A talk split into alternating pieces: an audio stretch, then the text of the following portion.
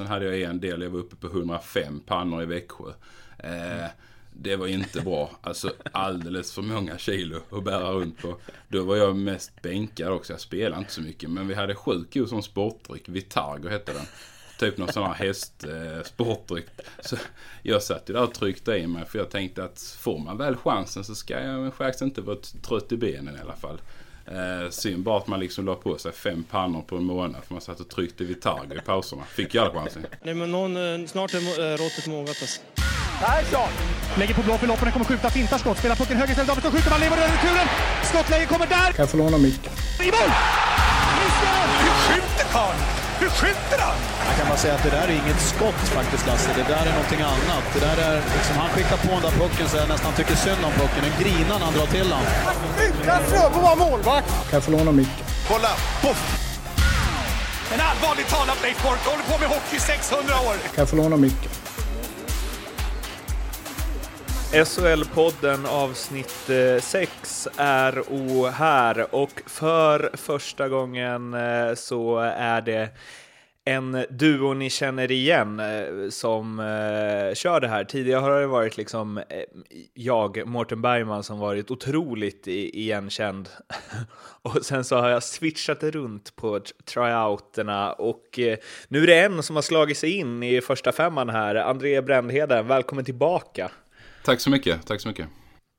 Hur känns det att liksom fått kontrakt? Ja, det känns ju eh, faktiskt jätteroligt. Jag blev så himla glad när du ringde och berättade detta. Så att eh, jag vet inte om jag ska hålla tacktal eller hur jag ska göra. Men, men ja, familjen har ju alltid betytt mycket och så vidare. ja. Klassiker. Klassiker. Ja, men det, var, det var grymt kul. Det var eh, roligt att spela in förra och att jag ser fram emot eh, fler avsnitt. Och då satt vi face, face to face. Nu har ju du liksom meckat ihop något eh, hemmabygge där vid datorn som gör att det här ändå ska låta helt okej okay via Skype. Ja, precis. Eh, jag har ju synkat det med min Commodore 64 här vid sidan av också, så att det ska nog lösa sig bra. det låter fett. Hur är läget? Jo tack, det är bra. Det är jättebra. Eh, här är det full rulle nere i Skåne. Mm. Det är här uppe i Dalarna också. Ni får ursäkta knastret, men det är min, eh, min lunch och middag. En kexchoklad, helt enkelt. Så jobbar vi i SHL-podden. God och glad. God och glad, precis. Men vi är helt plötsligt två sponsorer. Först bara NordicBet, nu även kexchoklad. Det går fort. Ja, det går ju snabbt. fort uppför. Du, um, innan vi börjar snacka om um, den um, gångna omgången och det har ju faktiskt bara varit en omgång sedan jag och eh, Fimpen spelade in avsnitt 5. Eftersom det har varit ett Karjala Cup-uppehåll som har varit eh, mm, mm. otroligt eh, långt. Ja, faktiskt. Um, och det mest minnesvärda från det, eh, på rak arm, är ju din tweet. Medan förre, lag, eh, medan förre kedjekamraten S.A. Bergström gör en stark landslagsdebut eh, drar jag i mig ett 200 eh, gram schweizernöt. Fan vad gött. Bägge sakerna alltså. Det är två karriärer som har gått åt olika håll. Kan man sammanfatta det så? Eh, ja, det kan man göra.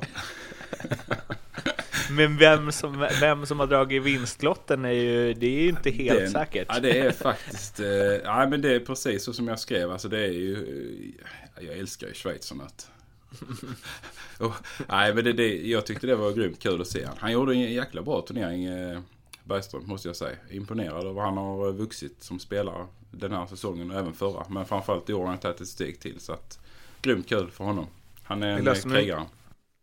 Jag läste någon intervju med honom där han sa att så här, nej, men han funderade på om han verkligen skulle fortsätta med hockeyn och så när KK gick upp. Tror mm. jag, att han sa så här, om de inte hade gjort det då så hade man ändå fått liksom mm. tänka en sväng. Det kan ju finnas något eh, eh, liksom att han är beräknande dramaturgisk här och vill bygga upp liksom en ännu starkare story. Eller så är det bara så. Eh, och eh, alltså, du som har lirat med honom och eh, utgår jag ifrån känner honom bra. Had, alltså, han verkar ju ganska överraskad över att det har tagit den här vändningen. Eh, ja, och det, det, skulle jag också säga att jag också är faktiskt. Alltså han har alltid haft, haft det i sig. eh, på något vis. Man har sett liksom, han har ju kvaliteter som är som är väldigt bra. Eh, han har inte fått ut allting och nu får han ju det på ett helt annat sätt. Och han, har väldigt, väl, han är väldigt beroende av sitt självförtroende. Det kanske är så, eller det är väl inget eh, att- att himla om. Men alltså han är ju en av de spelarna som man ser på honom direkt om han har något självförtroende eller inte. Han är, har väl tidigare haft lite förmåga att kanske bli, liksom deppa ner sig själv och ha lite för höga krav på sig själv. Men eh, nu har han ju den här grymma liksom, flytet i allting han gör. Och hans bakgrund och liksom tidigare klubbar och historia. Det är väl liksom, han har ju gått den långa vägen lite med division 1-spel och bottenlag i allsvenskan och så vidare. Eh, så att eh, ja, det är kul att han får eh, synas lite i rampljuset nu tycker jag. Men vad det här eh, att han är väldigt beroende av sitt självförtroende, vad beror, alltså är det att han, eh, vad ska man säga, vissa spelare tänker ju väldigt mycket eh, och så analyserar sig själva och ställer krav på sig själva och funderar på varför det inte går som det ska. Eh, och vissa är ju mer så här att de är sköra och eh, tar åt sig av kritik. Eh, v- vilken, vad är det som har gjort att han är så beroende av att liksom känna det? Alltså jag tror det, det är lite det första du är inne på där. Alltså han är ju... Eh, gillar ju detaljer och, och, så vidare. Med, både med utrustningar och med, med bågar och det ska liksom vara... Han analyserar mycket. Han är väldigt djup hockeymänniska på det viset. Så att han har ju mer liksom haft självförtroendet. Har ju kommit utifrån att han har fått nu bekräftelse på alla sina bågritningar och alla sina liksom eh, type-biten lite ner åt höger än åt vänster. Och nu liksom funkar det på något vis. Eh, eh, så att han är nog mer en, en teoretiker i den bemärkelsen. Bågeritningar? Ja, alltså typ om man ritar bågar på en, eh, på en eh, tavla. Ja, alltså en hockeytavla. Inte en- Vad menar du att spelare sitter och gör sånt? Ja, det finns faktiskt de som gör det. Eh, och, och de tycker det är väldigt roligt också. Okay. Ja. Eh, och de gillar ju att rita bågar och, åk här så får du pucken där eller sväng vänster där och ja, styr lite så. Jag, eh, jag var inte en av dem. Det hör man nästan. Det går att ana. Men vadå, så han stod där och ritade bara Andrea, nu åker du hit och sen över så och så får du pucken där. Och du bara, eh, Ja, ja, eh, eh, ja, nej lite så var det. Alltså, jag har ju träffat extrema typer om han kanske. Du kommer inte på den exakt just nu. Men det finns alltid några sådana i lag som älskar liksom det här med, med att sitta med en tavla och mysa ihop och samla alla och så ska man rita och, och styra upp exakt allting liksom. Alltså, förutse egentligen hur matchen spelas eh, inom fem minuter. Men, men eh, han, eh, jag spelar ganska, tills, ganska mycket tillsammans med honom i samma kedja. Men då hade vi ju även Jakob Johansson som också är en liten teoretiker. Så det var, han fick lite stå i, lite i bakgrunden där just med ritandet faktiskt. Men han älskar ju så här eh, detaljera sitt eget spel ner i små detaljer liksom. Och det, eh, alltså utan att känna Jakob Johansson, över, utan att ens ha träffat honom Ja, eller ja. ens hört honom prata, så bara visste jag ju att han var det. ja, han, är, han är klok. Väldigt Man klok. ser, man ser ju det på hela hans uppenbarelse eh, på isen, att här är det någon som ritar bågar. Ja. Nej, men han är ju sån och det finns ju alltid sådana i lagen. Va? Och jag, jag, jag har ju inte direkt varit alls sådan. Men, och det är därför jag fick ju spela. Tänk tre sådana teoretiker i samma kedja. Snacka om eh, liksom krockar på genomgångarna. Typ, eh, är de inte överens om någon båge så är det ju krig. Så då fick man bara sitta där liksom, att ställa där i mitten eh, och stå redo för skott. Så, så blir det jättebra André. Ja, tack så mycket, det är bra. Så att eh, det var ett lite så, så var genomgången sett ut lite. Eh, men han är också, som du säger, han, han är en klok spelare också. för, Men tillbaka till Bergström så, så är det sjukt kul att han, att han lyckas. För det är en oerhört bra kille och en målmedveten kille som alltid har tränat extremt hårt. Så att, ja, jag tycker det är roligt att han, att han får chansen och, i Tre Kronor. När var det ni lirade tillsammans? Ja, det var back in the days. Nej, men Alltså var det Rögle? ja, det var, tiden? ja, absolut. Det var ju Rögle. Han var ju här. 11-12? Ja, exakt. 2011. Han var ju här, eh, ja precis, eh, året i Allsvenskan och även när vi gick upp eh, 11-12 där så var han ju med också. Så att eh, eh, framförallt där slutet på säsongen och, och kvalserien så hade vi en ganska bra kedja där med, med, med Jakob, jag och Bergström som, som hade bra flyt. Så att eh, eh, då såg man liksom att han kan ju absolut prestera mot bra motstånd. Det var ju liksom ingen snack om den saken. Men det, det, det var lite för mycket, eh, han, det var lite för rörigt för honom. Han fick liksom inte ihop alla grejerna. Men nu har han ju lyckats sortera sin verktygslåda. Att, eh, att han sa det här att han kan, funderade på att ja, men kanske lägga av och så. Är, eh, kom det för, som någon nyhet för dig eller var det något han liksom bollade med vänner? Nej, alltså eh, nej. Så, så, det har jag väl aldrig liksom haft det intrycket av att han skulle vara nära att, sluta. Det har jag inte. Eh, det är väl mer bara att man har liksom sett på han som man gör på många andra spelare. Att det, det går lite tungt. Det, det är någonting som liksom inte riktigt klickar i. Eh, men att han skulle lägga av så det, det var han ju inte. Det, det, det är sådana tendenser såg jag inte när han var här i Rögle. Absolut inte. Nej, men jag tänkte liksom, han pratade ju om att det var i slutet av Karlskrona där. Jag tänkte om ni hade haft kontakt. Ja, ja, ja. Nej, alltså så. Eh, jag skulle säga att vi har en lit, viss Twitter-kontakt. Typ sådär. Okay. Ja, jag lägger in han när jag äter schweizernöt och han svarar typ han tycker det är kul. Eh, lite åt det hållet är det. Och skulle jag träffa honom så hade jag givetvis snackat med honom. För att han är ju, han är ju skåning. Han är från Osby. Ja. ja eh, Osby som vi Os säger i Stockholm. Ja, precis. Vi säger Osby. Eh, det, det, ja, det, det, finns många roliga historier om, det, om den orten. det, det är en annan podd. Det är en annan podd. Vad kul att det är eh, fin beskrivning av relationen. Vi, jag ätar honom på Twitter när jag äter schweizerna. det är ändå, en sån relation vill man ha med många människor känner jag. Det var ju bara innan jag tryckte i mig lösgodispåsen. Nej, så illa är det inte. Då tror alla att jag väger typ 170 kilo. Vad eh, väger du in på? Ja, 98, 98, 98. Jag håller mig under 0,1 ton. Så det känns ju faktiskt positivt. Eh, det är väl precis som i karriär? Alltså, ja, ja men jag skulle säga att jag vägde 100-101 under eh, mestadels av min karriär. Sen hade jag en del, jag var uppe på 105 pannor i Växjö. Eh, mm. Det var inte bra. Alltså alldeles för många kilo att bära runt på. Eh, då var jag mest bänkad också. Jag spelade inte så mycket. Men vi hade sjukt god som sportdryck. Vitargo hette den. Typ någon sån här hästsportdryck. Eh, så jag satt ju där och tryckte i mig. För jag tänkte att får man väl chansen så ska jag faktiskt inte vara trött i benen i alla fall.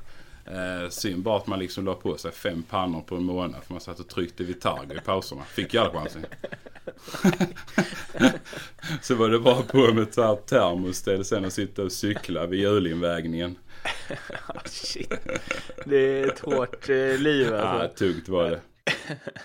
Men eh, vad, alltså att du har samma vikt eh, nu liksom. Ja. Är du, vad, går du, kan du göra ett byte eller, vad är liksom, ja. eller är det andra grejer som väger nu? Ja. Nej, alltså man har väl omfördelat som vi säger lite. Eh, vissa grejer har åkt ner och vissa har åkt upp kanske. Man vet jag inte riktigt vad som åker upp. Men, men det har varit lite så är det ju. Eh, nej, men jag skulle nog kunna gå in och tugga i alla fall eh, på rätt så hög nivå. Knappt Va, Vad hade du liksom eh, gjort dig själv rättvisa så?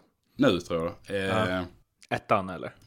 Ja, Ja, det är, nah, den är tvekis faktiskt. Alltså det, I powerplay? Ja, det hade ju funkat något byte. Men sen har man ju legat där med syrgas i båset liksom. Man tror ju också rätt mycket. Alltså nu när jag, jag kör veteranerna här nere i, här i Ängelholm och vet, alltså första träningen tänkte man nu ska jag in och gnugga. Alltså, sen var det ju bara stämpla ut rätt upp och ner. Så att eh, eh, man tror ju att man är så mycket bättre tränad än vad man är. Men det är ju liksom en helt annan typ av eh, konditionsträning eh, hockey. Eh, ut och jogga en 5-6 kilometer, det är väl inga problem. Men sen ska du köra korta skift med hög puls, då är det lite annorlunda. Mm. Så att, men division 2, lätt. Okej. Okay. Ja. Är det sån stor skillnad alltså? Att du bara division 1, no, no. Ja, ja. Division 2, lätt? Ja, det skulle jag säga att det är. Faktiskt. Okay. Där är skillnaden rätt så stor. Ettan, tvåan. Så tvåan tror jag nog att jag hade kunnat eh, gå in i på något vis. Där hade du snittat eh, en balja matchen eller? Ja, Ja. Mycket handlar ju om vilken roll man får. Ja, men exakt. Alltså, det är väldigt viktigt. Man måste ha förtroende för tränaren först och främst. Och sen så sen måste man ju ha bra kedjekamrater och hitta liksom sin roll i laget. Men jag tror nog att jag hade kunnat eh, prestera i alla fall en 30 baljor på en sesse. Det tror jag nog i tvåan. Eh, det tror jag. Det, ja, vi får se vad framtiden eh, utvisar. Ja, faktiskt. Spännande. Spännande. Du, jag gjorde en intervju. Jag jobbar ju med... Eh, fotboll också och Ja. gjorde en intervju med Petter Andersson i Hammarby eh, här i veckan och eh, då var en av mina frågor att jag eh, trodde, jag rabblade upp tre, fyra spelare som jag trodde skulle bli otroligt bra i fotboll, men så sa jag att mest av alla jag sett liksom i allsvenskan så var Petter den som jag, alltså jag trodde verkligen att han skulle vara den givna släpande forwarden bakom Zlatan i landslaget i tio år liksom, när jag såg honom i Bayern. Och då sa han bara på sin härliga norrländska enig. och sen fick han utveckla det lite, hur han så länge trodde på det.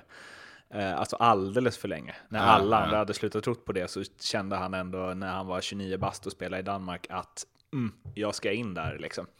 Men eh, lyckades till slut eh, acceptera det. Han berättade också att han har så här rehabbat fem av eh, de tio senaste åren. Eh, och hur han verkligen har så här omfamnat det nu och så här det blev, jag kanske klipper in eh, ett citat från honom här, men som går ut på att så här, jag har verkligen tänkt. Alltså jag har tänkt på allt. Och det har, jag har verkligen som lärt mig och bearbetat det. Och som accepterar det. Att så här är det, jag kan inte göra något åt det som har hänt. Jag kan inte gräma det. Det här var det det blev. Och så gör jag det bästa av det. Jag har fått med mig sjukt mycket grejer. Många verktyg, alltså mentala verktyg som jag, som jag är evigt tacksam över. Och som jag kanske aldrig hade fått annars. Så att det är som, jag har lyckats vända på det. Och det är en fantastisk känsla. Eh, Vi var ju inne i förra avsnittet som du var med i, liksom hur dina så här NHL-drömmar, du pluggade franska och det var liksom, eh, eh, det, det var utstakat vart du skulle ta vägen som den supertalang du var. Hur hanterade du när du fattade att eh, alltså, eh, de kommer inte ringa från andra sidan pölen? Liksom? Ja, Var det också en resa eller var det liksom? Eller nej. bara, ja, ja. Ja, alltså nej, jag skulle inte säga att det var en resa faktiskt. Eh, utan, eh, alltså jag kom nog till, till liksom insikt av det själv ganska tidigt ändå att nej, det här eh, kommer inte bli mycket mer, eller mycket mer, men alltså det här är den nivån som, som jag är, så, så, så bra är jag så att jag klarar den här nivån men inte, inte högre. Eh, Alltså jag tror mer för egen del, nu, nu pratar jag för egen del, men då har det ju varit så att eh, man nu i efterhand har mer kunnat tänkt liksom att ah, men alltså där var jag nog ganska bra. Hade jag bara liksom kanske krutat på det lite till eh, så kan jag inte ha varit långt ifrån typ en, eh, en landslagschans eller så här. Alltså förstår jag menar lite så. Man tänk, tänker nu i efterhand men just då så eh, tänkte jag faktiskt inte alls så. Det, finns det någon, liksom, eh, jag vet inte om vi ska liksom försöka eh, hitta något eh, mörkt här, men finns det liksom någon ångest i att bara, eller har det funnits det i alla fall? Att så här, fan att jag liksom inte fattade då. Eh, ja, alltså där finns alltid eh, grejer i, när man kikar tillbaka på karriären så här i efterhand som man tänker att där skulle jag gjort annorlunda, det där var inte rätt beslut och så här som, och, tänk om jag hade gjort så. Alltså det där kan man ju absolut tänka på nu eh, så här i efter, det gör jag faktiskt ibland.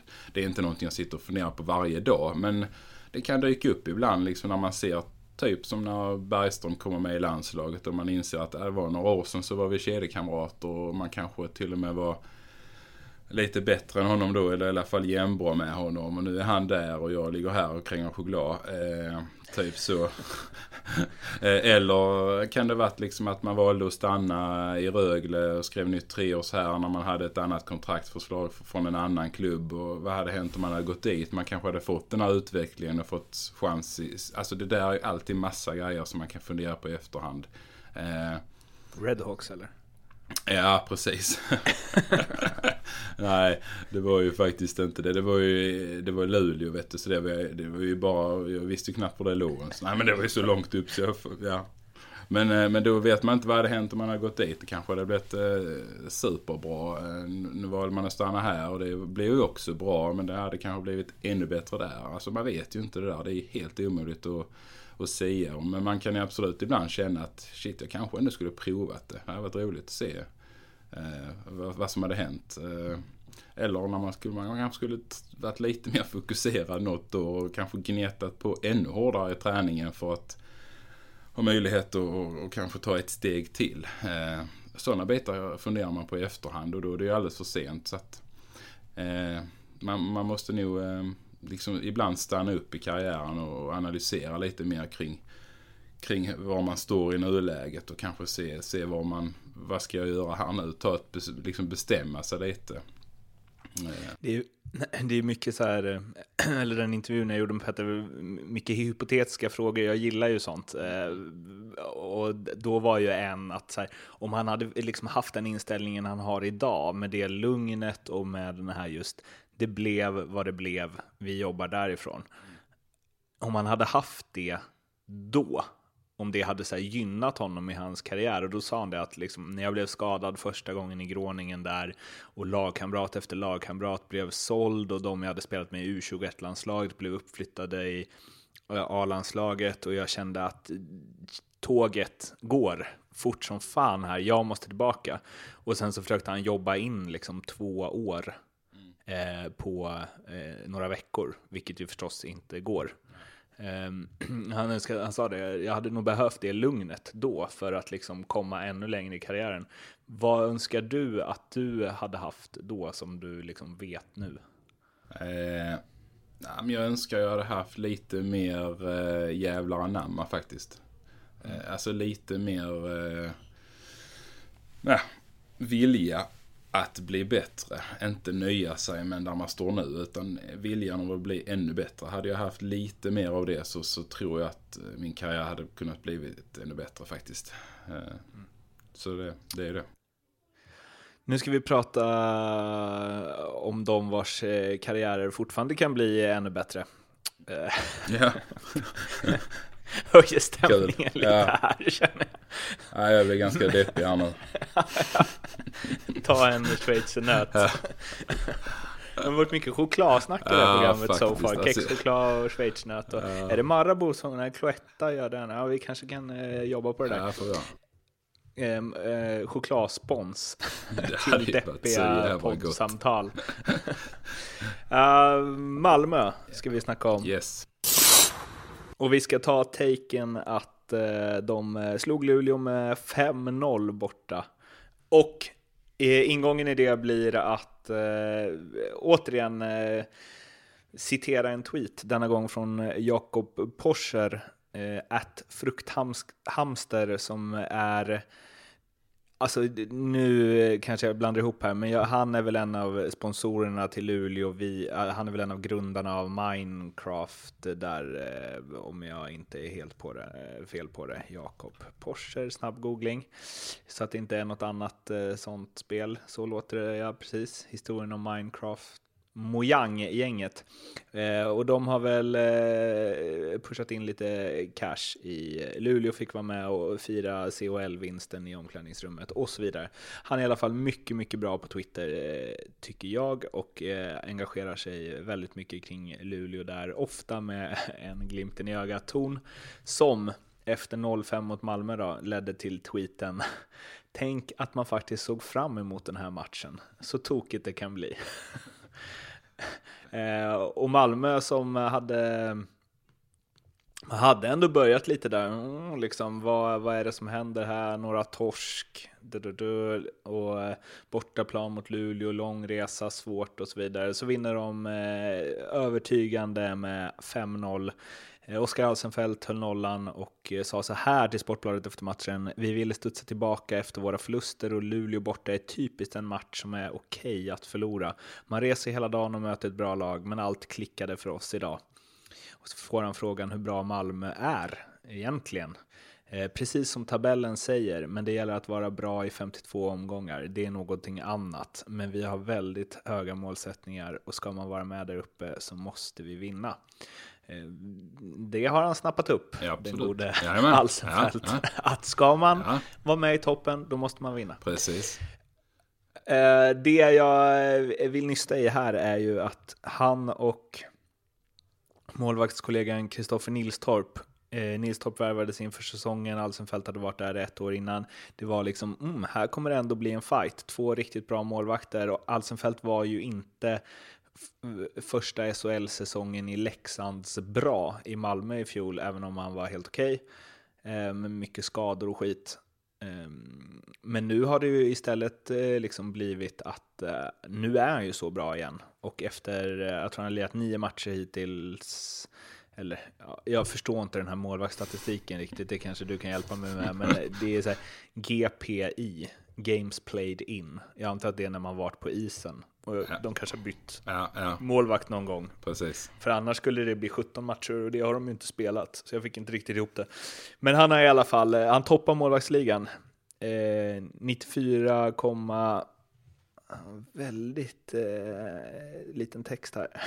64 kanske. Eh, 64, exakt. Jag känner mig som att jag gör ett sånt här um, test hos optiker. Bara, vad står det på understa raden? Eh, Medan Nils Torp då, han ligger på 14 plats av de målvakter som har spelat tillräckligt många matcher för att eh, räknas i det här. Det finns ju någon annan för de som bara spelat tre där, eh, vad heter Karlskronas målvakt, Joel Jönsson, heter han så?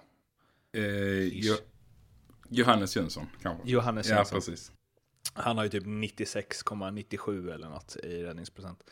Men eh, i alla fall, eh, Nilstorp ligger på 14 plats alltså. Han har eh, bara fyra målvakter eh, bakom sig. 89,07 i räddningsprocent. Eh, det intressanta är ju att de har exakt samma vinstprocent. Mm. 66,67. Men ändå skiljer 13 placeringar och alla som har sett Malmö spela kan väl vara rörande överens om att Oskar Alsenfelt har varit mycket bättre än vad Kristoffer Nilstorp har varit. Långt intro till frågan. Eh, hur eh, tror vi att liksom... Vad är, hur går snacket där? Eh, eh, ja, vad var frågan sa du? Ja, en målvakt går det superbra för, en går det dåligt för. Ja. Vad liksom... Eh, ja, nej, snacket går nog så här. Eh, för, först förresten, GPI, alltså spelade matcher med istid skulle jag tro att det betyder. Rent, eh, ja, det var bara en helt parentes i det hela. Nästa grej, jag tror att eh, snacket mellan de två går bra. Eh, Nilstorp är ju en, en eh, människa som är eh, oerhört lättsam och eh, en, en god kamrat typ. Så att jag tror liksom inte det är några bittra miner på han och, mellan han och Alsenfelt. Eh, utan jag tror faktiskt att han stöttar han väldigt bra nu. Det som Malmö har där det är ju egentligen att de har två riktigt bra målvakter i år. Eh, Nilstorp är ju en klassisk eh, vinnarmålvakt. Alltså det är bara att kolla på hans historik i Färjestad och, och, och Växjö och även här. AHL också va? Vad sa du? Ja, AHL, ja precis. också, och här i Rögle var han med och tog upp oss också. Så jag menar, han har ju varit med. Liksom, han är, man, man vet lite att han steppar alltid upp när det gäller. Han har ju en, en ytterligare liksom en nivå att lägga till då. Så att de två i kombination med varandra känns ju oerhört bra. Måste vara grymt skönt för Malmö som lag att ha där bak. Eh, Så jag tror alltså känslorna däremellan. Jag tror de peppar varandra och, och liksom ja, sporrar varandra på varje träning för att de ska bli bättre hela tiden. Så att, eh, nej, jag tror de har bra harmoni mellan varandra. Okej. Mm. Jag tror det. det. låter ju rimligt Ja. och det hoppas man ju. Ja. Och jag har hört att Nils Torp är en eh, otroligt skön eh, snubbe. Ja, absolut. Eller att han är väldigt speciell har jag också hört i och för sig. Jag, det var någon som sa att jag inte skulle fråga honom om intervju under hösten. Nej, För jag har större chans att få till en bra intervju under våren. alltså han har ju, han har mycket grejer för sig, det ska jag ju säga. Men han är ju, nej men jag, jag, jag tycker han är en fantastiskt god människa. Sen har han ju, sen borrar han ju in sig i den här eh, målvaktsbubblan. Han är ju en sån klassisk, eh, eh, alltså som folk ute Där har vi väl en tänkare. Ja, absolut. Skoja min doja. Alltså han tänker ju något så minutiöst på varje liksom. Alltså han är ju i sin bubbla. Match då är det ju inte lönt ens att kommunicera med honom på vissa fronter. Så att nej men alltså det, och det har väl i och för sig kanske gjort honom till en vinnare. Han kan ju liksom koncentrera sig något extremt mycket. Eh, på, vissa, på, i, på vissa tillfällen. Sen kan man ju se han på liksom spela For Non Blunts med gitarr på, på, på Instagram eh, dagen innan match. Va? Men det är ju en annan sak. Han är ju verkligen fokuserad vad gäller hockey när det väl är dags. Så att, eh, nej grym. Jag, jag tycker om eh, Torpet. Det är En god gubbe. Ehm, men just det att så här, han har ändå värvat, ska vara den stora värvningen. Alsenfelt sitter på ett, ut, eller ett kontrakt som går ut efter säsongen. Båda Malmö-killar, båda vill förmodligen vara där. Två målvakter som Ja, Alltså, ja. Om man, om man utgår ifrån ungefär vad spelare tjänar, vad jag tror att de tjänar, vad, man, vad det står i kvällstidningarnas listor, så känns det ju... Ja, jag vet inte om man har råd med två sådana målvakter över tid. Nej. Nej. Plus att de vill nog vara första målvakter båda två. Ja, absolut. Alltså, det finns ju ganska många ingredienser där som ändå som man ändå hade kunnat argumentera för skulle kunna liksom nu går det ju så bra för Malmö, Mm, men om de börjar eh, liksom om det börjar gå dåligt, ja, absolut. att det kan gnissla lite liksom. Det skulle det kunna göra. Eh, Samtidigt så har de ju eh, ett bra utgångsläge. Men om börjar det gå dåligt så, så kan de ju slänga in eh, Torpet. Så kanske han gör en eh, par grymma matcher. Så de har ju ett bra utgångsläge vad gäller den biten. Det tror jag faktiskt. Sen, sen ja, alltså det där med löner det här. Det, det är klart de har ju inte råd att förlänga Alsenfelt på, på ett svinbra kontrakt. För, för Torpet är ju inte billig i drift om man säger så då. Eh, utan han ska ju ha sin, sin, eh, sin kära del i det hela. Eh, sen, sen vet jag inte hur det, hur det blev när han köpte mer eller mindre ut sig. Verkar det som från, från eh, kontraktet med Frölunda. Så de har väl kanske fått han lite billigare än vad han egentligen skulle varit från början tänker jag. Eh, Växjö, eller? Eh, var det Växjö som köpte ut han? Var det inte lite så att han signade för Frölunda innan säsongen? Nej, eller är jag helt fel på det nu? Då får du klippa bort detta. Men, eh, Gjorde han? Ja, det kanske han gjorde. ja men eh, visst gjorde han det. Jo, just det, det läste Ja, jag. men exakt. Nu, jag, jag tror inte jag kan vara så fel på det. Men han var ju lite, liksom egentligen klar. Men sen så stack ju eh, Gustafsson till eh, NHL och provade där. Så då blev det en öppen plats i Malmö. Och då ville han ju hemskt gärna hem. Han har ju köpt ett hus i, utanför Malmö. Och, ja, Nilstorp var klar för Frölunda men Ja, drog sig exakt. ur affären. Ja, ja, precis. Då har väl han kanske finansierat lite del själv där så att eh, Malmö inte får ta den värsta delen. Nu är jag inte någon, eh, jag vet ju egentligen inte hur det ser ut men jag bara spekulerar lite. Eh, så han kan ju vara... Ja, alltså han kan ha varit billigare än vad han skulle ha varit, så kan man väl säga då. Men eh, alltså jag tror ändå att no- Torpet eh, kan ju ändå acceptera liksom att gå ner också i lönen. Jag tror inte han vill iväg så mycket mer när han är ju ändå, vad är han, 85 Han måste ju vara 31 liksom. Han är inte uppåt i sin karriär och börjar väl rota sig på hemmaplan. Så att det gör väl lite. 84 till och med. 84 till och med. Han är svingammal. Men alltså jag tänker då, då, då, då vill han ju liksom vara lite hemma kanske kan jag tänka mig. Eh, jag vet inte. Men det är inte säkert. Eh, det, det, han kan mycket väl dra iväg en gång till. Eh, men ah, nu, nu snackar vi mer om han ska flytta eller inte. Vad han ska, eh, men alltså han är en Men bra det, det är ju det jag menar, vem ska, hur ska de kunna liksom... För det är det att om Oskar fortsätter så här kommer ju Malmö vilja ha kvar honom. Absolut. Och då... Och då, det kommer ju inte gå. ja, jo, det går. Eller det kanske kommer gå, men det kommer också vara så här, Nilstorp kommer inte vilja vara backup nästa år. Nej, det tror jag inte han vill. Men indirekt så eh, känns det som att han har liksom börjat stadga sig på något vis. Alltså som jag nämnde, liksom han har flyttat hem. Nu är han på hemmaplan. Han trivs. Han är harmonisk med livet utanför och så vidare. Och då kanske det inte betyder exakt lika mycket längre att vara en backup och spela lite färre matcher mot vad det gjorde för fyra fem år sedan när han var någon annanstans. Alltså bara en ren eh, liten sån här... eh, Ja, jag spekulerar Vadå, igen. du menar alltså, okej, men då går, gör vi så här, då går vi bort från dem och sen säger vi generellt, är det alltid så här jävla gött mellan målvakter att bara vi är de enda som har mask, vi jobbar tillsammans, vi stöttar varandra. För det är det enda man hör och det låter ju helt orimligt att det ska vara så. De borde ju också bara, fuck varför får han stå hela tiden, jag är mycket bättre. Ja. Alltså det där är nog... Eh, jag, jag, tror- Berätta, har ja, du varit med om att eh, två målvakter inte kommer Inte överens? synka. Ja, det har jag varit. Absolut. Men de sköter det alltid jävligt snyggt. Alltså de respekterar varandra så pass mycket så att på träning så är det liksom... Då sporrar man varandra och det är inte så att den ene liksom står och knyter näven när den andra släpper in något billigt mål på träning. Så här, utan då är det liksom, de tävlar liksom mot, mot varandra men ändå tillsammans. Det är en jävligt komplex situation för dem, det måste man ju ändå säga. Det finns en plats och båda två vill ha den. Det är ju lite som... eh, eh Det blir lite stramare konkurrens om den platsen än vad det är på en forwardsplats ju. Så att det är klart, jag har varit med om att eh, målvakter inte har synkat. Men de har liksom, ja de har inte suttit och spelat tv-spel tillsammans på eftermiddagarna.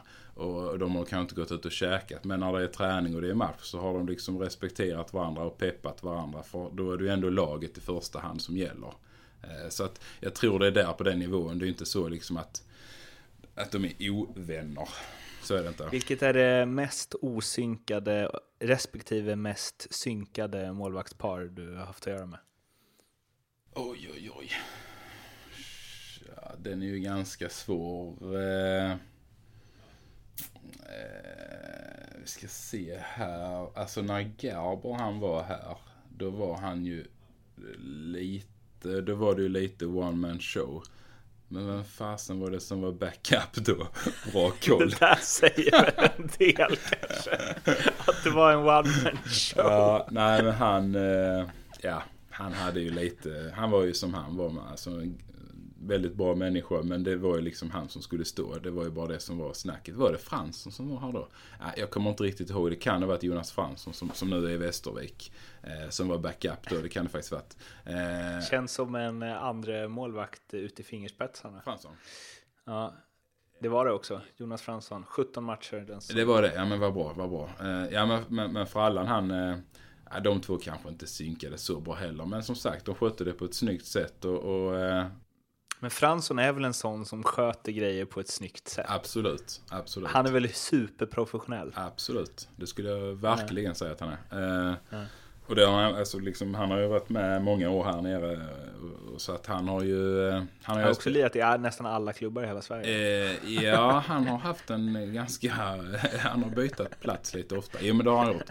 Eh, men han var här nere ändå rätt så många år faktiskt. Och sen ville han ju faktiskt stanna, men det var ju Rögle som inte ville ha honom. Så han kunde ju varit kvar fortfarande om, om han hade fått bestämma. Men... Eh, Han var ett jävla monster i Alltså, Västerås där ja, han var ju, han var, här nere var han ju sinnessjukt bra skulle jag säga också. Han gjorde ju liksom, när vi gick upp och så här, det var ju hans... eh, Ja, just det. Han var ju en sån mål... 94,1 i räddningsprocent. visst, han var ju outstanding bra då, det måste jag säga. Så att eh, då var han ju inte andra målvakt. Kan man väldigt milt sagt uttrycka det. Nej. Eh, Okej, och vilka är det, det gosigaste paret liksom som du... Ah, Gosigaste paret. Ja, mm. Ja, jag vet inte. Alltså, jag har nog inte haft något sånt där riktigt liksom tjenispar. Jag har nog aldrig spelat i ett lag där liksom målvakterna har umgått så mycket privat utanför. Utan, eh, jag har nog inte haft något sånt där källpar. Det har jag nog inte riktigt. Utan de har liksom alltid varit en viss konkurrens men ändå med, med liksom... Eh, ja, man har respekterat varandra. Men nej, inget sånt. Inget sånt eh, inga kranbjörnar. Nej. Okej, okej, okej. Det, det hoppades man ju på. Ja, jag kan jag tänka förstår. mig att liksom så Alsenfelt och Nilstorp är ju tjuriga båda två, Mm. men de är också ganska så varma, eller de är varma, i alla fall Alsenfelt som jag träffat några gånger, han är ju väldigt varm Ja, eh, ja. känslomänniska liksom. Jag kan faktiskt se mig dem som ett, eh, att de kan umgås till och med. Till och med Eh, det. Ja, verkligen. Det, det vore ju helt otroligt. Nej. Jag ska undersöka den saken. Ja, men det skulle kunna vara ett, ett, ett kranbjörnspar.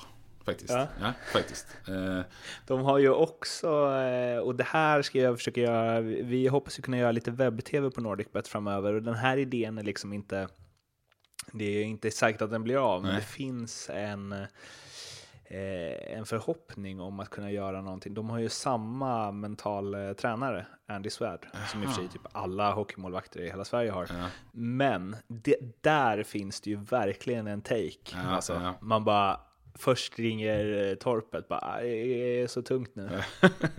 Han bara, "Ja, jag känner med dig och sen så ringer eh. Alsenfelt två minuter senare bara, jag måste bara lägga på nu, jag ska bara äh, åga på andra som bara, "Woo, seger! Eller hur? ja, den är faktiskt sjukt svår.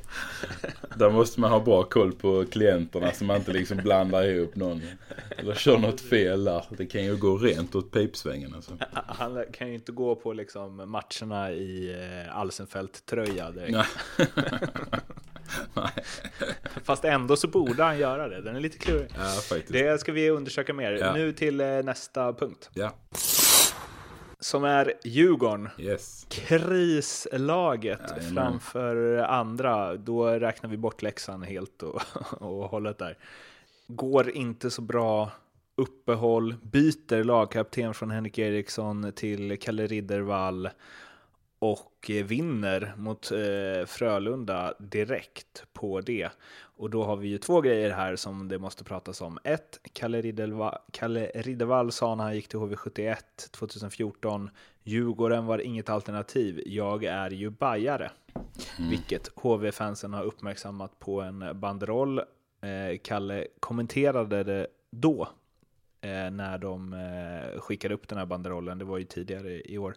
2014 hade jag inget erbjudande från Djurgården så då fanns det ingen möjlighet för mig att gå dit. Men alltså Djurgården för mig, jag är ju tredje riddervallaren på 25 år som spelar i klubben.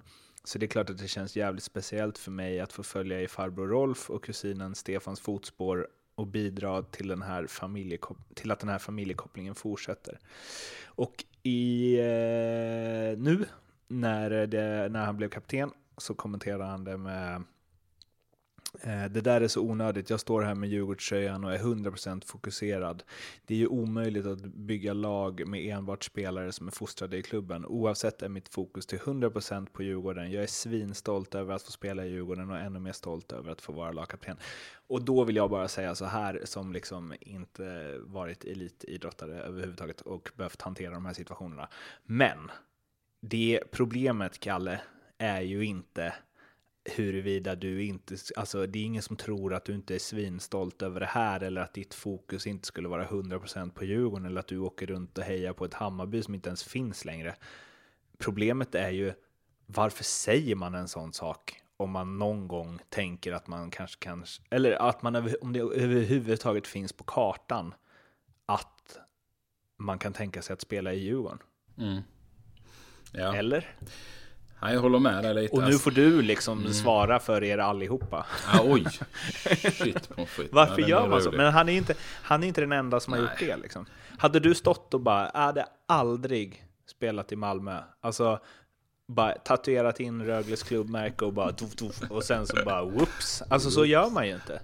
Nej, och det, det är som du är inne på, det är faktiskt väldigt vanligt. Alltså att folk uttalar sig som skriver på för klubbar. De går och, och kysser klubbmarken och det är liksom eh, hyllas vissa grejer. Det är ju, alltså jag skulle säga så här att det, det är ju rätt så... Man ska nog vara lite försiktig med det ändå. Alltså nu, nu är det inte bara Kalles fall här utan det finns ju många andra exempel där man har uttalat sig om att, liksom att det där skulle jag aldrig kunna tänka mig att spela. Sen säsongen efter så skriver man ett tre år. Så det blir ju lite... För en själv så tänker man inte kanske på i situationen just då att det, det kan bli konsekvenser framöver. Men tänk en supporter som... de- De glömmer liksom inte det kan jag säga i första taget. Eh, och media glömmer ju definitivt inte det. Så man får ju alltid det Alltså man får ju alltid tillbaks det sen i framtiden på något vis. Eh, oftast är det ju inte så positivt då. Så att det kan man väl generellt säga att man ska vara lite försiktig i eh, både i uttalande kring, kring liksom gamla klubbar och nya klubbar. Utan man, man, man får väl bara vara liksom säga lite mer som man är inne på nu. Att man, eh, att man är glad över att liksom skriva på kontraktet och man ska göra allt för den här klubben.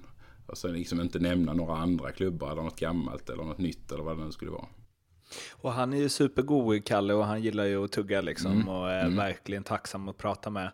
Och kanske inte så här väger varje ord på våg heller för att han är sån som person. Och det är någonting man ska kunna vara, ehm, tycker jag. Mm. Nu förstår jag om han liksom skulle sluta sig lite efter det här. Men det är också någonstans så här, säger han de grejerna så får han ju, ah, då får han ju ta det här, Ja, vilket ja. han ju gör. Ja, Men alltså. Eh, men det är också, ja, jag får liksom inte...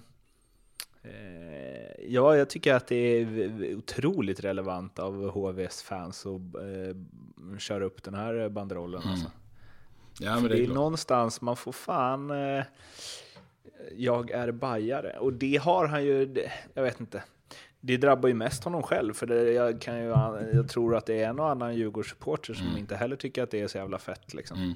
Ja, men det är det lite jag var inne på. Alltså jag tror att eh, det drabbar ju en själv alltid. Man får ju det liksom eh, tillbaka på något vis sen. Eh, från supportrar eller eh, omgivningen.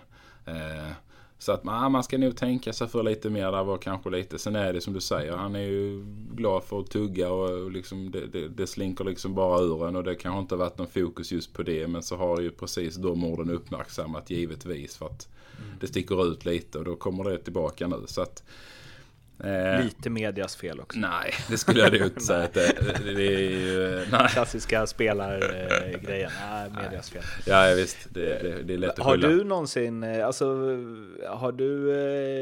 Eh, vad ska man säga? Har du varit i en situation där du liksom har blivit eller haft känslan, jag vet inte riktigt vad jag vill fråga efter det här, Nej. men jag funderar på om du har varit så starkt förknippad, liksom, alltså du var ändå kapten, och så, om du hade gått till Malmö, mm. hade det blivit liksom hus i helvete då?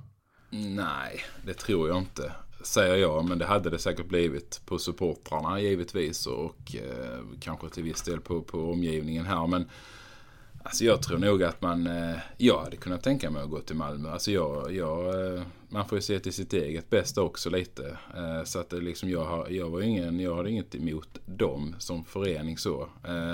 Sen är jag ju inte Ängelholmsfödd heller. Jag liksom inte, ploppar ju inte ut med grönvitt blod direkt. Utan liksom jag är ju lite mer inåt landet. Så jag är inte, det är inte min moderklubb, vilket kanske också spelar in lite. Va? Men, mm. Men annars så tror jag inte, jag, jag har inte själv varit med om så här. Nu var jag ju här sex sista åren så jag hade inte så mycket annat liksom att jämföra med. Men eh, hade jag fått ett erbjudande från Malmö och, och skrivit på så hade jag mycket väl kunnat göra det. Men jag hade inte stått och sagt att eh, att Rögle är en, skitklubb och att jag inte trivs i stan. Och sen så ska man bosätta sig här sen och gå ner på Storgatan. Det är sådär kul. Så att, eh, nej, Men det hade jag ju inte. Det är du, och, du och Dennis Everberg hade kunnat. Ja, ja, precis. Vi hade haft följe här liksom. Ja, vi går och käkar på Harrys Dennis. Ja, vad kul. Vad fick du? Jag fick en hamburgare i huvudet. Ja, roligt. Nej, Men är det, är det, vem är, eh, av de du har spelat med, vem är liksom den som du mest har känt så här, den här spelaren hade liksom inte kunnat gå till en rivaliserande klubb? Nej. Har du lirat med någon som är så, för det är många som säger så som sagt, och ja. sen så kommer liksom eh, pengachecken mm. och sen hamnar de där ändå. Är det någon som du, har så här, som du vet hade inte gått till den klubbens rivaler för uh, allt smör i Småland? Liksom? Eh, Liljevall som spelar eh, nu, kaptenen i Rögle, han hade aldrig gått till Malmö skulle jag säga. Han är, han är en grönvit hjälte ut i fingerspetsarna. 400 lax i månaden. Treårskontrakt. Jag, jag, jag tror faktiskt inte det. Alltså allvarligt talat. Han är, där finns några sådana. Han är en av dem. Alltså han hade, han hade inte kunnat gå dit. Jag är helt säker på det. For, for all the money in the world. Han hade inte gått dit alltså. Okay. Faktiskt. Uh, om du lyssnar på det här Patrik Silvergård. ja. Jag kan vara Ge med och bidra kontrakt. till eh, det kontraktet. Nej, det hade, för att se vad som händer. Han hade inte gått dit, det hade han inte. Sen är det, där finns ju alltid sådana. Men sen är det som du säger, sen kommer det fram eh, andra liksom. Eh, ja, det kan vara pengar och det kan vara annat som spelar in. Jag menar, sitter du i en klubb där du kanske inte får spela så mycket och det är bra för din egen utveckling. Varför ska du inte kunna gå till en konkurrerande klubb eller en rival eh, där det är bättre för dig? Eh, ska man då inte göra det för att man är rädd för vad supportrar och omgivning ska tycka? Det är ju också fel. Så att där kommer man ju i liksom ett moment 22 lite. Att det, då är det bättre att följa sin egen känsla, absolut. Vi får se ja, vad som händer ja, Liljevall. Ja, vi får se nästa säsong. Tror jag han ska förlänga. Vi får se där om han får något erbjudande. Eh, men det här med kaptensbytet liksom. Ja, det var eh, intressant. Eller hur? Ja, det är alltid Berätta intressant. Berätta mer, varför? Nej, men det, det där, eh, jag har själv varit med om det faktiskt. När jag själv var kapten här i Rögle så bytades jag ut mot Jacke Johansson mitt under, ja, det var ju precis innan kvalserien skulle dra igång. De, bara, de ville ha någon som ritade fler Nej, nej, de ville nog ha en eh, bättre kapten faktiskt. som kunde styra skutan åt rätt håll. Ja, det var nog lite så faktiskt eh, just då. Och det, det, har ju, det är så många olika faktorer som spelar in. Just då så var ju inte jag rätt man till att vara lagkapten i laget. Jag hade tillräckligt problem med mig själv liksom med min, min eh, attityd och, och eh, liksom hängivenhet till laget låg inte i paritet med att vara lagkapten utan då, då ska man inte vara det heller. Utan då satte de in eh, Jacke som, som, eh, som lagkapten och, och liksom det blev eh, en förändring i gruppen. Och det där är ju precis samma sak som Djurgården har gjort nu. Alltså nu har ju inte Henrik visat sådana tendenser alls och han är ju en är det någon som är en hockeykrigare så, så är det ju han. Va? Så att han har ju inte gjort något, något fel här utan de behövde väl få in någon liksom ny, ny, ny energi eh, på något vis i laget. Och värvas det ingenting så får man väl göra andra förändringar och då, då är ju detta en väg att gå. Alltså det blir ju någonting som händer. Det blir att någon annan som kanske pratar lite mer eh, utåt eh, riktat mot media och så här och får ta lite mer av den biten som kanske har lite mer verbal kunskap som, som kanske då Kalle har eh, på det viset som kan ta media på ett annat sätt eh, när det blåser lite tungt. Så att eh, det, det, för gruppens skull så är det, det är samma lag, det är samma spelare som är på isen. Så det, det, liksom, det är inte så att eh, någonting radikalt händer där. Eh, det är det inte. Men alltså, var du så här, eh, vad säger man, klarsynt och resonerande även när du fick beskedet? eh, nej, det var jag inte. Men samtidigt så förstod jag varför. Eh, så att jag, jag, kunde ändå acceptera det. Det kunde jag göra för jag, jag förstod absolut varför. Men jag blev ju ändå irriterad. Det blev jag. Jag tyckte liksom att varför då? Eh, men, men, eh, men jag köpte liksom beslutet och det är jag helt säker på att Henrik också har gjort och, och ser liksom till lagets bästa i alla lägen. För det, det Men vadå, jag... alltså det, du var bara, eh, du låter ju, nu när du liksom berättar om det, det låter ju som att du var en hemsk lagkamrat och att Nej. det var rimligt att de plockade bort eh, Set. Ja men just då var det det. Alltså jag var, när jag valdes till lagkapten så var jag ju helt rätt man för det kändes det som och då då eh, såg det ut på ett helt annat sätt än vad det gjorde liksom i februari månad. Eh, så att det, det, och då hade laget gått olika och jag hade det jobbigt. Alltså det, det, blev, det är väldigt mycket som spelar in. Det blir ju ett extra ansvar för lagkaptenerna att liksom bära den här fanan, eh, gå med fanan längst fram och vara den som kanske ska stå i skottlinjen om det går dåligt och den som ska vara mer medialt eh, utåt. Plus då att du kanske sätter en annan press på dig själv. Helt plötsligt så ska du eh, vara just den personen som ska vara mer utåt eh, sett. För egen del så, så tyckte jag det var jobbigt i i prestationen. Alltså jag glömde lite bort mig själv rent eh, prestationsmässigt. Jag hade för mycket fokus på, på att peppa kamrater som, som jag såg var lite nere. Jag hade för mycket fokus på liksom att, eh, att ta liksom lagkaptensrollen på fel sätt egentligen. Eh, så det blev ju min, liksom mitt, mitt eh, exempel att det, det, det blev bara fel. Jag, jag gick in med med förhoppningen liksom om att det skulle bli svinbra och det trodde ju alla annars hade jag inte blivit vald till lagkapten och det kändes jättebra men helt plötsligt så, så gjorde jag grejer och, och sa saker som jag liksom kände att ah, men det där ah, det, det, är inte riktigt jag. Jag har ändå blivit vald av en anledning att liksom jag ska vara mig själv och det var jag liksom inte riktigt helt. Så det kan ju också vara en nackdel faktiskt för en lagkapten att man inte är riktigt trygg i rollen. Eh, faktiskt. Vad sa du och vad gjorde du?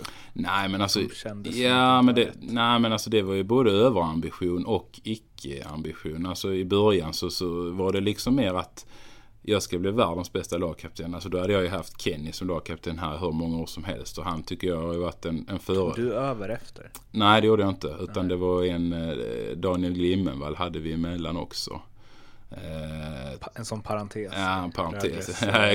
Ja, hela historien tar vi där Nej, men jag hade ju haft han och jag tyckte han liksom var, var bra. Var väldigt bra lagkapten och det tycker säkert alla samma som mig som har spelat tillsammans på honom. Men för egen del så blev det liksom, jag gick ju helt bananas. Helt plötsligt så skulle jag ju, äh, vi måste stretcha efter träningen och skulle samla ihop alla typ som man var någon hockeyskolsledare du vet. Och, jag tänkte nu på nerjoggning, alltså jag vet inte riktigt vad som flög in i mig. Eh, det blev, det blev liksom för mycket, typ som att jag skulle vara någon extra tränare slash lagkapten slash spela själv också. För det glömde jag lite bort att jag måste ju själv också spela. Jag liksom var för mycket brydd om allt annat. Eh, så där var det ju lite överambition om att jag trodde jag skulle kunna gå in och, och eh, att få en 35-åring att börja jogga ner som inte gjort det på 20 år liksom. Bara för att jag var lagkapten. Det funkar ju inte heller. Utan det, det blev liksom fel där. Och sen så under säsongen som gick så kände jag väl att jag inte presterade på den nivån som jag hade vill, velat. Och det kände ju liksom klubbledningen också. Det blev för mycket i mitt huvud. Att liksom det bara rörde ihop allting. Så då började man bli eh, liksom skita i sig själv istället för att ta, ta tag i sig själv. Och då börjar man ju liksom uppträda dåligt på isen och vara ett dåligt föredöme och kanske strunta i vissa grejer. Och då blev det åt andra hållet. Så att till slut för det fanns det ingen annan utväg att gå än att bli utbytt faktiskt. Verkligen så här eh, att du försökte, du sa det här att du önskar att du hade haft lite mer ambition när du var yngre liksom. Så ble, det låter som du blev kapten och bara skulle ut, Ja. ut med allt. Ja men lite så var det. Eh, det, det, liksom, det var ju det i början tänkte man shit. Alltså, man blev ju svinglad och det var ju så nära och, och liksom, man tyckte att det här ska bli riktigt kul.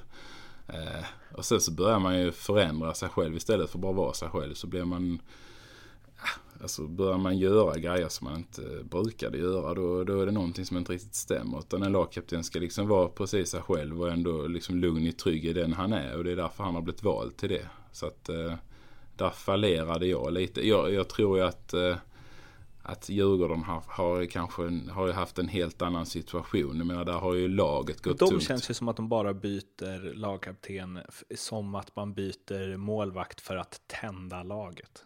Ja, det, det är ju svårt att, ja, det är svårt att säga. Man vet ju inte allt bakom. Alltså, men, men det är lite som du säger, det har ju inte funnits något miss, liksom nöje kring, kring Henriks led, alltså, som, agerande som lagkapten. Så jag menar, där är ju inte det som, som, eh, som har knutit sig där. Utan de har ju varit nöjda med det jobb han har gjort. Men de har väl behövt få in någon, någon liksom annan energi i det hela. Och, ja, Kalle kanske känns lite mer erfaren för, för att kunna ta eh, när det blåser. För det, det är ju inte liksom löst tack vare de vann igår. Så är ju inte problematiken är ju inte eh, ur världen för den sakens skull. Där finns ju fortfarande grejer att jobba med i, i laget. Joakim Eriksson, eh, sportchefen, satte ju fingret på vad de behöver jobba med i en intervju med Sportbladet. Då sa han så här. Vi utvärderar våra matcher och vårt spel för att identifiera våra förbättringsområden. Sen jobbar vi med dem i träning. Just nu är förbättringsområdena powerplay, boxplay, ansvaret i beslut med pucken, vårt försvarsspel, målvaktsspel och vårt målskytte. Mm. Där är en hel del förbättringsmöjligheter. A- A.k.a. allt. Ja, där, där, där Han fick hade ju han med det mesta. allt. Ja, jo. eh, ja, det, det är ganska långa träningar de har med. Tränar typ fyra och en halv timme. Och det är, det är roligt för de har ju pratat så mycket om så här fysikträningen och så, att de, eh, ja men att de eh, med Robban Olsson, att de ska tr- liksom tränat hårdare än någonsin och Kalle Riddervall var det väl som sa det, att han bara, ja, jag kom liksom från eh, Ryssland och där är det ju hårt liksom, men det är ingenting mot det vi haft här Nej. och så vidare. Eh, då kände jag bara här att de har ju bara tränat Ja eh, fysik. För det här är ju allt det andra. Visst fan, det kommer en hockeysäsong med sån. Det glömde vi. Så nu ska vi förbättra oss inom allt annat. Eh, nej men ehm, han sa ju också en väldigt rolig grej, Roman Olsson. eh, eller väldigt rolig, men jag tyckte ja, jag gillar det. Han sa vi tror, på grunden, vi tror på grunden i vårt spel, men vi måste vara klokare och smartare på isen. Men det krävs också träning och det har vi gjort. Om du vill, vara, om du vill göra en Johan Cruyff-dragning så gäller det att nöta. Mm. Den kom lite från ingenstans. Faktiskt. Alltså, jag gillar att den liksom, man glömmer inte Johan Nej, nej. Cruyff-dragningen. Nej, det Och det är, det något, är det något man behöver nöta på så är det ju den. Ja, det är ju någon form av, det är nötningsdragningen nummer ett. Ja, det är det. Den är ju oftast inte så ofta liksom... Eh, Den ja, heter ju också Cruyff-fint. Cruyffin. Den inte brukar ju inte förknippas så mycket i hockey. Jag har faktiskt aldrig provat på det någon gång där. Men, nej, men det är intressant. Alltså den hade nog varit bra i hockey tror jag. Ja, jag tror jag också. Finta skott och sen lägga den bakom sig liksom. Ja, Ja, det är, en, det är Ja. framtidens hockey. det är exakt, exakt, exakt. Det är det det kommer ju. Vi, vi är där och nosar redan nu. Ja, ja, ja. Nu ska vi hänvisa till Jonathan Lindqvist, eh, Viasats utomordentliga eh, NHL-bloggare. Som faktiskt var en av dem som cirkulerade i tryout-ryktena till den här podden, men fick lite... Han föll väl på att han inte kommer se en enda SHL-match i år. Eh, och att han bor på andra sidan Atlanten. Men eh, han eh, är ändå en rolig prick och han skriver extremt bra om NHL. Det får ni gå in och läsa på Viasat. Men nu ska jag läsa lite av det han har skrivit i alla fall. Eh, jag vet inte riktigt. Eh, det är en bit. Men jag, jag kör. Sen så Mm. får vi se hur mycket av det här som blir kvar sen. Men i NHL, det här ha- handlade ju lite om när William Nylander inte täckte skott en gång när Tampa Bay eh, gjorde mål. Jag vet inte, det är väl två, tre veckor sedan eller något. Men eh, jag vet att jag tänkte att vi ska ta det med den hårdskjutande Brändheden, så Mm, jag har inte mm. liksom eh, röjt det innan. Så här lyder texten i alla fall. En del av texten. I NHL anses skottäckning vara en av de noblaste sakerna man kan göra sitt lag. Man offrar kroppen och utstår en enorm smärta för att freda sitt eget mål. Det är modigt agerat och spelare som gör det förtjänar all respekt de kan få. Men vi måste också våga inse att det inte alltid är rätt att täcka skott. För det första finns det en taktisk, taktisk aspekt av det hela. En skottäckare som inte kommer i position ordentligt kan skymma och styra och verka, kon- och verka kontraproduktivt på ett skott som målvakterna hade haft en klart bättre chans att ta med skaplig sikt. Granqvist, eh, också expert på Viasat, gammal eh, målvaktstränare i Färjestad eh, och säkert massa mer, gammal målvakt också, kommenterar om, kommentar om detta kommer senare i inlägget. Men framförallt handlar det om säkerhet. Ett slagskott i NHL kan färdas över 170 km i timmen och det är ganska lätt att räkna ut vilken skada det kan göra, vilket vi sett många exempel på genom åren. Kanske är det så att en och annan bruten fot är något man får räkna med, men som coach skulle jag nog inte välja att mina nyckelspelare utsatt sig för den risken om inte väldigt mycket stod på spel. Slutspel. Häromnatten fick William Nylander kritik av tidigare NHL-spelarna Matthew Barnaby och Patrick Sullivan för att han valde att hoppa undan ett Steven Stamkos-skott som gav Tampa en 3-0-ledning mot Toronto. Det ser inte bra ut och är av många NHL-kännare ansett som en pinsam tavla att inte täcka det här skottet. Men om vi är helt ärliga, tror ni att Toronto hellre tar Tampa i oktober eller Nylander borta i ett par månader med bruten fot? Det är en dimension av skaderisken. Sedan finns det en helt annan typ av situationer som får mig att tänka på vad som kan hända när det går riktigt fel. Häromveckan täckte Daniel Winnick ett slagskott mot Florida och fick en bit av örat avslitet. Och sen lite till det som eh, Erik Granqvist säger, att backen ska stå upp eh, och hjälpa på den bortre returytan genom att boxa ut och kontrollera klubban på den anfallande spelaren. Absolut inte glida in i skottlinjerna nära sin egen målvakt. Han tar bort sikten, täcker samma yta som målet redan gör, kan inte hjälpa till på eventuell retur eller skottpassning mot bortre. Plus utsätter sig för stor skaderisk helt i onödan. Och så avslutar, eh, för er två lyssnare som är kvar, eh, så avslutar Jonathan med exakt hur spelare ska förhålla sig till när man ska och inte ska täcka skott. Här har jag inget bra svar på. Men jag kan säga så här, vi kan alla vara överens om att en puck som färdas i 170 km i timmen är potentiellt livsfarlig om den träffar hals eller huvud. Jag vet att det är extremt sällsynt att det går riktigt illa, men spelet går fortare och fortare och i takt med att klubbornas kvalitet och spelarnas kompetens ökar kommer skotten inte direkt bli mindre farliga. Det här känns som en sådan sak där man måste agera innan något fruktansvärt händer.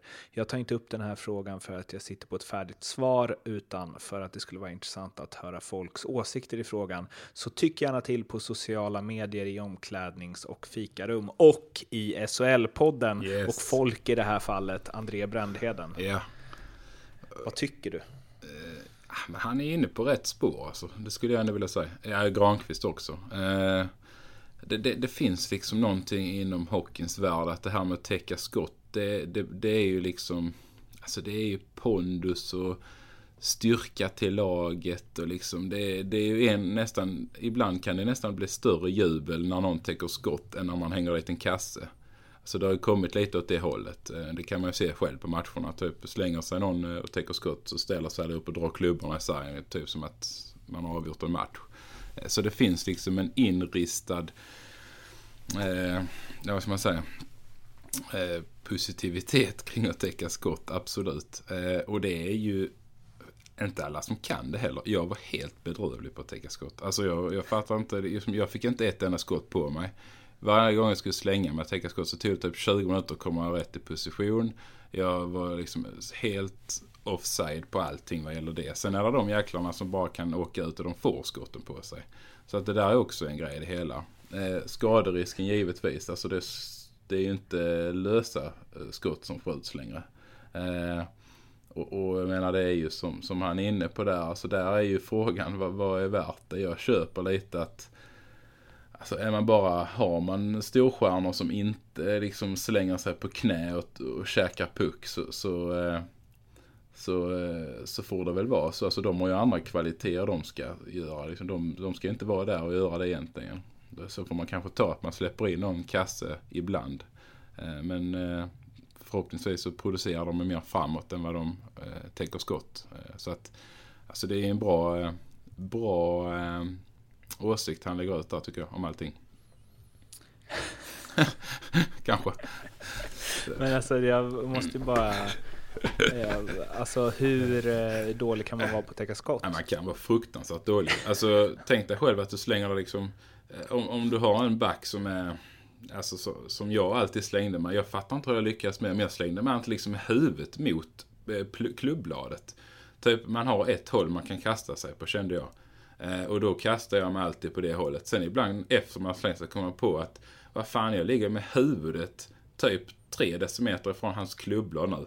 Jag kan få den här pucken rätt i nyllet. Alltså, du vet, och då då var det inte för att man... Då ville man ju offra sig för laget, men man måste ju göra det på ett lite smart sätt. Alltså jag kunde bara kasta mig på ett håll, så även om det var en högerback eller vänsterback så slängde man sig upp så där och du vet, det såg ju... Det var ju, ja, det var ju bara ren tur att man inte fick något skott i nyllet. Eh, sen ibland tog de med benskyddet för då låg man ju på rätt håll. ja, det finns ju. Du vet, eh, ja. Och så skulle man ju... Det var ju förr i tiden så kastade man allt så också tyckte jag. Alltså jag slängde mig alltid, typ på magen eller på, på sidan. Nu är man ju mycket mer och jobbar med knäna för då har man ju kommit på att det är ju bättre. Man är ju snabbare upp liksom efter man har täckt ett skott på knä eller sätter ner ena knät bara och gör sig stor liksom. Då, det, förr i tiden hade man inte, då var det mer så att då kastade man sig och täckte skott. Sen kunde man liksom ligga där och, och samla i snö ett tag och sen reste man sig upp och då kunde de ju liksom spelat runt 10 sekunder innan man var uppe igen. Så att det har ju utvecklats rätt mycket skottäckandet också. Vem är den bästa skott, skottäckare du spelat med? Eh, Det är faktiskt Everberg och Alexander Johansson. Everberg, de, de hade en sån förmåga att få alla skott på sig. Alexander Johansson spelar i Färjestad men alltså de lyckades bara få allt på sig. Det var helt sjukt. Alltså, och då var det mycket den här knätäckningen. Ibland kunde man ju tänka liksom att man stod och tittade på dem och ah, men sen när man började försöka själv vid sidan om så kändes det inte direkt harmoniskt. Eh, och, och köra ner, alltså jag fick inte till det där med knädoppet alls. Eh, Så att eh, jag la ner det ganska snabbt. Men de var ju grymma på det. Alltså täckte hur mycket skott som helst. Men eh, Grana är ju inne på det lite där att man skymmer. Och man ser det i många, många matcher liksom att det är nästan ibland så att eh, det, hämmar mer. Alltså målvakten blir skymda av egna spelare. Så där det är ju inte alls ovanligt. Sen säger jag ju inte liksom att man ska ställa sig åt sidan och varsågod vandra in. Men man ska vara jävligt smart när man täcker liksom och veta att man gör det på rätt sätt och på rätt ställe. Och ibland kan det till och med vara bättre att låta skottet gå igenom. Eh, så att det är, en, eh, det är en ganska djup, man kan nu göra ganska djupa analyser av skottäckning skulle jag vilja säga. Görs det då? Ja. Är det liksom, Ja, jobbas det med sånt? Alltså det görs det definitivt. Alltså det har de ju full koll på. Blockade skott, var skotten har kommit från. Det har varit röda, gröna skott och så vidare och så vidare. Alltså det finns hur mycket analyser som helst att göra på allt sånt där. Eh, sen så är det ju... Ja, nej men det, det är klart att det görs analyser på det. Givetvis. Vi hade till och med träning på det. Det är ju också lite sjukt. Tänk att du ska... Jag tänkte ju säga Ja, det. ja, ja, ja, Har du ja, tränat ja, på för fan. Med de här blåa puckarna som inte ska göra lika ont då, men det gör de kan jag säga ändå. Ja, du, kan- alltså det är ju fullständigt eh, fantastiskt rolig träning. Alltså nu ska vi täcka skott. Pass upp till back på blå. Du ska in och täcka skott. Jag skjuter. Jag ska försöka träffa dig. Ja, vad roligt. Rolig, rolig träning. Ja, men vi kör på täck och skott. Alltså du kan det, det, ja, nej. Nej, det är inte det bästa, det roligaste man har varit med Men det har vi gjort. Alltså, vi har tagit ut en dunk blåa puckar och så stod en av tränarna och sköt liksom skott för att vi skulle lära oss att täcka rätt. Så att absolut, det tränas på det med. Och det, var, det säger ju, tänker att det säger en del att det är tränaren som Mm. Ja, om precis. skotten precis. också. Ja, visst. Så, så det var ju också lite roligt ju. Jag tror, jag vet inte om det var Gat som gjorde det, så det var inte så hårda skott. Säger också något om honom tycker jag. Han tyckte det var sjukt roligt ju. Du kan ju tänka dig själv som tränare och stå bara och mata. Alltså det måste ju vara fantastiskt. Det är som när de säger så här, du vet att det var eh, ja, men alla tränare man haft har ju alltid så här, ni gör inte det här, ni Mm. Nej. springer inte upp för en skidbacke med er lagkamrat på ryggen för vår skull. Nej. Ni gör det för er. Man bara, Ja fast, fast lite för er också, eller hur? Lite för att ni också tycker att det är kul. Ja men det är ju världens läge typ så, ja men han har inte varit bra han alltså. Vi, och så kanske man har lite känsligt då. Det är ju bara att dra ett släp upp på, alltså på insidan knät så kanske han inte kan spela på ett par veckor. Det är ju jävligt enkel väg ut från att liksom slippa andra bekymmer. Om man inte vill ta det med dem personligen. Så han hade ju alla möjligheter liksom att skjuta ut den från, från hockeyn en månad. Det Det var... var ehm, bara att lasta. Nu hittar, nu hittar inte jag de här citaten som vanligt. Jag har ju suttit och letat under hela tiden du pratat. Jaha. Men Wayne Gretzky har väl någonting som jag trodde att Erik Karlsson hade retweetat, men Mm. uppenbarligen inte. Okej. Där han ehm, säger eh, någonting om att så här, liksom, på- den tiden som jag eh, liksom växte upp så spelade vi, det var mycket så fantasi och kreativitet och det viktigaste var att göra mål. Mm. Han, och att eh, han bara, jag täckte inte ett skott i hela mitt liv, utan det fanns en kille med mask och benskydd Ja. som gjorde det liksom. Ja, faktiskt. Han har ju lite rätt i det. Sen, sen är det ju givetvis, alltså det där är ju en liten laggrej med. Det är ju en sån sak som kan nästan vända en match. Alltså om du har en gubbe som bara slänger sig ner och typ täcker skott och man ser hur jäkla ont han får när han åker av från isen och, och har täckt det där skottet och hela laget liksom går och klappar om han. Det är en sån grej som kan få en match att vända till, till din fördel. Så att man måste ju det är en väldig balansgång där med när det är bra och inte bra. Men som en defensiv back som täcker ett skott som, som eh, räddar ett mål, då, då är det ju klart att det ger ju laget jäkligt mycket energi. Så är det ju bara. Eh, men vi hade ju någon forward som täckte skott. Han täckte liksom, ställde sig på knä och fick skott, slagskott rätt i flabben. Och då är det inte lika roligt att stå och titta på faktiskt. Så att det kan ju liksom vara grejer som händer hela tiden. Vart gör det ondast att få skott?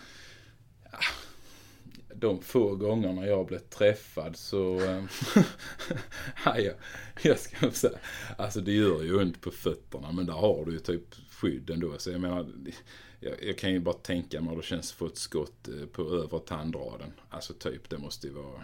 Nej, det vill man inte ens fundera på den känslan. Så att eh, det är nog svårt att säga.